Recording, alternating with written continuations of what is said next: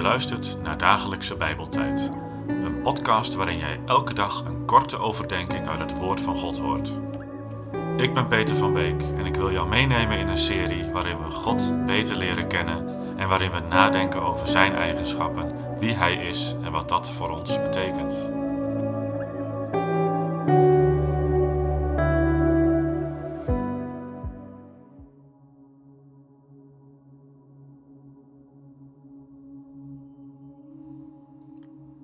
Kennis van God is echte wijsheid. Van alle dingen die we op aarde kunnen ontvangen of bereiken, is de kennis van God het meest waardevol. Als we meer van het christelijk geloof willen weten, is de meest fundamentele vraag: wie is God? Omdat God anders is dan wij, is het voor ons onmogelijk om Hem te doorgronden. Sommige mensen denken daarom dat God voor altijd een mysterie zal blijven en dat we nooit enige kennis van Hem kunnen hebben. Anderen denken weer God volledig te kunnen begrijpen, maar realiseren zich niet dat als wij God volledig zouden doorgronden, Hij geen God meer zou zijn. Want als wij God werkelijk volledig kunnen doorgronden, zouden wij zelf net als God zijn. En dat is natuurlijk absurd, maar het geeft wel iets weer van het spanningsveld waarin we ons bevinden als we ons bezighouden met de vraag: wie is God? Jeremia 9, vers 23 en 24 zegt het volgende: Zo zegt de Heere: Laat een wijze zich niet beroemen op zijn wijsheid. Laat de held zich niet beroemen op zijn sterkte. Laat een rijke zich niet beroemen op zijn rijkdom. Maar laat wie zich beroemt, zich daarop beroemen dat hij mij begrijpt en mij kent dat ik de Heere ben, die goede tierenheid bewijs, recht en gerechtigheid op de aarde doe, want in die dingen vind ik vreugde, spreekt de Heere. Het kennen van God is echte wijsheid, en deze wijsheid brengt zegeningen met zich mee. De dichter van het boek Spreuken geeft de volgende belofte. In Spreuken 9, vers 10.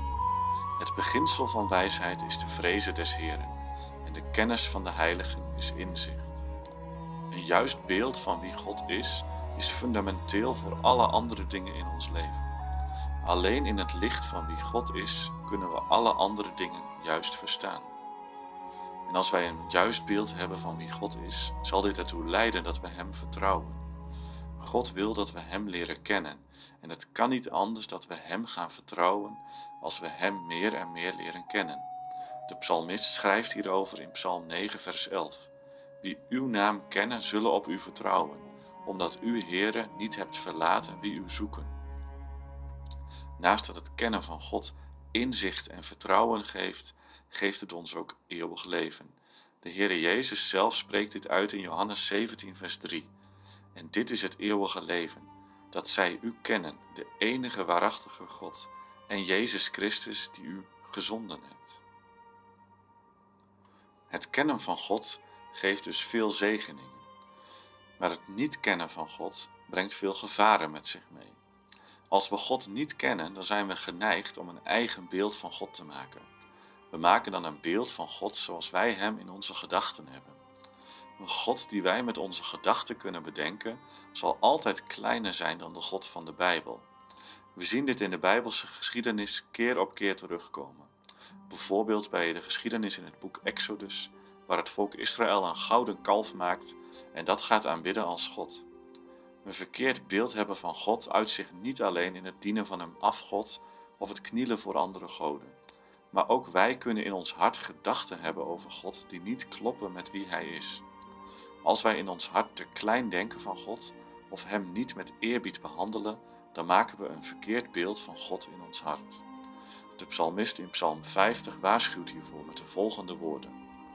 Zulke dingen doet u en ik zwijg. U denkt dat ik, dat is God, net zo ben als u.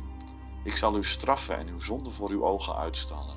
Begrijp dit toch, u die God vergeet. Anders verscheur ik en er is niemand die redt. Een verkeerd beeld van God en zijn heiligheid leidt ook tot een verkeerd beeld van de zonde. Paulus haalt dit aan in zijn brief aan de gemeente in Korinthe, in hoofdstuk 15, vers 34. Word op de juiste manier nuchter en zondig niet, want sommigen hebben geen kennis van God. Als wij een verkeerd beeld hebben van de zonde en God, dan zorgt dit er ook voor dat Gods toorn over de mens komt. Paulus haalt dit aan in zijn brief aan de gemeente in Rome in hoofdstuk 1, vers 18. Want de toorn van God wordt geopenbaard vanuit de hemel over alle goddeloosheid en ongerechtigheid van de mensen, die de waarheid in ongerechtigheid onderdrukken. We hebben vandaag gezien dat het belangrijk is om een juist beeld van God te hebben en om ernaar te streven om Hem te leren kennen.